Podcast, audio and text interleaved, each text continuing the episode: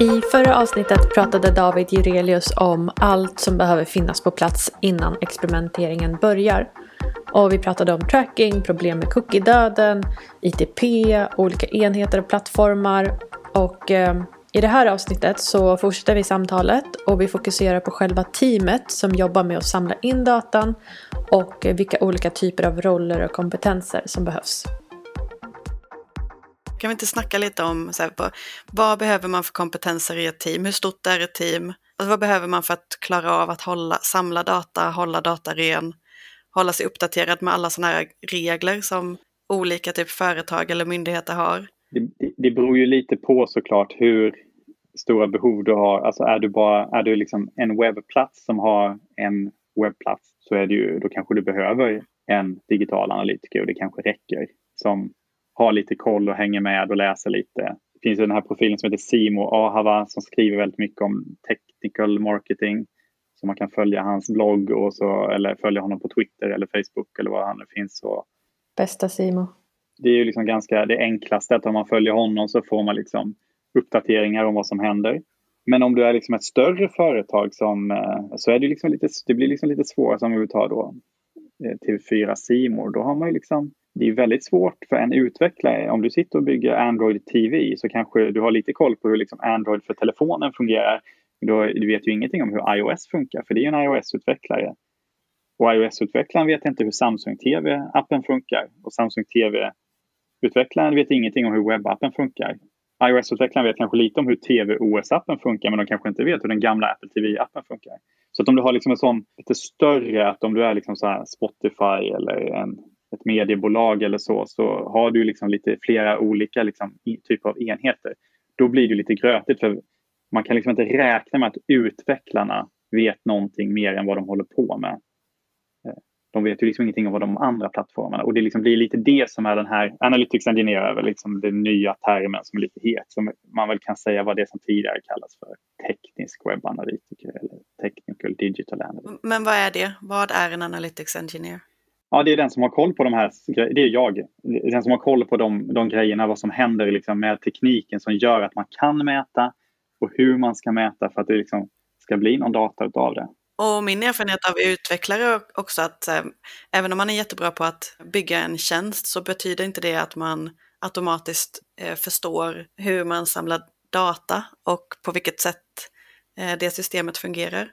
Alltså analysverktyget. Nej, det är självklart att det finns utvecklare som har jättebra koll på det här men det, det, det är, liksom, det är verkligen en, en nischområde och det är nog också så att många utvecklare tycker det är ganska kul när de får reda på det men de har så ofta så mycket att göra som är liksom att ja, produkt vill att du ska bygga den här featuren och vi måste laga de här 5000 buggarna som rapporteras från liksom supporten. Och, alltså det, de har inte tid att hålla på och tänka på mätning så mycket för att det behövs ofta ett tänk. Så jag skulle säga att eh, i, liksom, om man är ett större bolag i ett liksom, datateam så kan det vara bra att ha liksom, någon typ av analytics engineer. Eh, sen finns det här konceptet som är data engineer som är att när man börjar liksom, få mycket data som är att du har liksom, data från ditt CRM-system, du har från liksom, din point of sale, alltså din liksom, system för där du liksom, gör köpen kanske ute liksom, hos kund. Du kanske har, om du är liksom någon av alla de här olika mobilitetsapparna som Lime eller Voi eller du jobbar med Mathem eller Coop och, och har liksom lastbilar som åker runt och rapporterar vad de är. All den här olika datan måste liksom samlas ihop och då brukar det vara data engineer som sitter där med någon slags Amazon Web Service datakluster eller Google Cloud Platform kluster och bara synkar ihop det där. Och det är ju ett jobb att bara liksom managera liksom, när datan väl kommer in. Hur ska den liksom hamna någonstans? En analytics engineer är den som ser till att datan skickas på rätt sätt eller samlas in på rätt sätt. Ja, det kan man säga. Det är lite förenklat. Och data engineer är den som tar emot den och ser till att det går att göra någonting med den. Men i regel har inte en data engineer tid att liksom göra någonting med den. Och då, då, är det, då kommer in liksom kanske den som är en digital analyst eller en business intelligence analyst. Det är de som använder datan till någonting för att liksom komma fram till någonting. Och så sen finns det det som heter data scientist som kanske är som en sån analyst fast som är lite mer fokuserad på att bygga olika typer av modeller, statistiska modeller, machine learning modeller och sånt.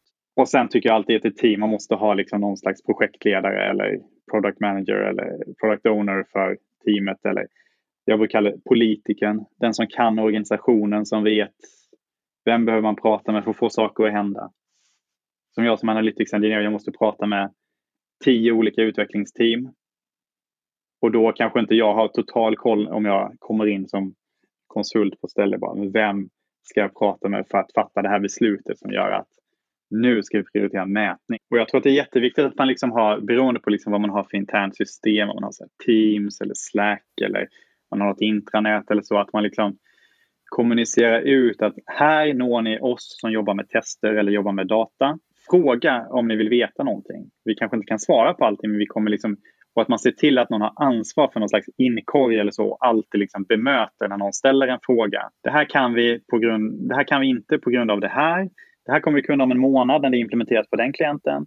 Eller typ, kul fråga. Det här är en analys som kommer ta ungefär sex veckor men det är så intressant att vi ska liksom se om vi kan liksom få budget för att liksom lägga timmarna på vår liksom data scientist att ta reda på det här. Att bara man bemöter liksom requesten, då känner de sig sedda och då säger de det här teamet bryr sig om mig mm. och kommer ge mig liksom insikter.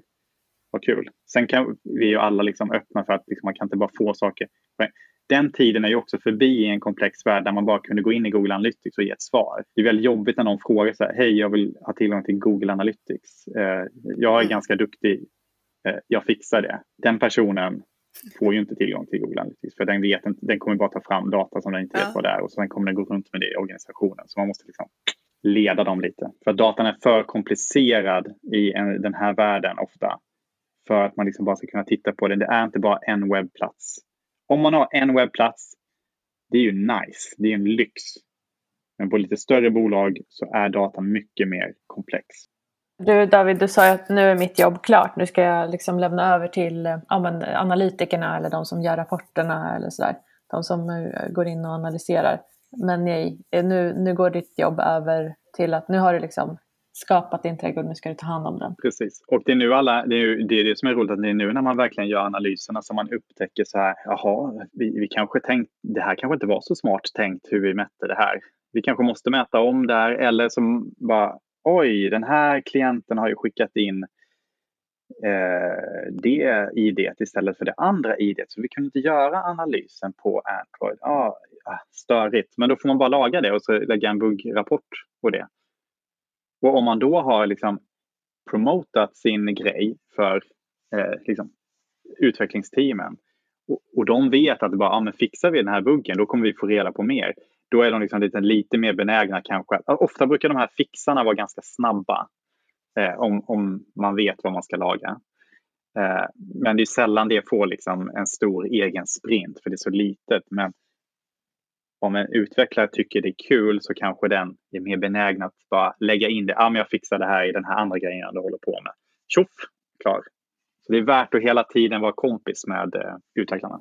Kan man säga. Så det är de som gör mätningen åt den. Den grejen som jag tar med mig är alltså allt eftersom att jag har gått från att vara analytiker som jobbar mycket med Google Analytics till att liksom eh, bli mer och mer liksom bred, leda team som ska göra experiment och liksom, ja, försökt att göra annat än att så nu sitter jag ju inte i analysverktygen. Så när jag väl liksom vill att vi ska mäta någonting så har jag så himla dåligt självförtroende. För dels så finns inte Google Analytics i den organisationen jag är i nu utan det är massa BigQuery query-grejer eh, vi måste göra och jag vet inte om jag kan faktiskt lita på datan. Så då känner jag så här, fan vad jag suger som analytiker, vilket jag gör nu. Men det är då inte mitt jobb. Det vi behöver är en sån som fixar trädgården och sköter den.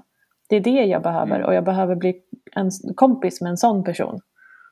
Så att jag verkligen kan lita på datan. Och sen det där med att lita på datan, det som man läser mellan raderna där mellan hur det var förr då när du hade Google Analytics och lita på datan, det är ju för att då visste du ju hur Google Analytics mätte. Du visste att Google Analytics hade dokumentation. Det här behöver, page location betyder här. Eller document location. Referrer är det här.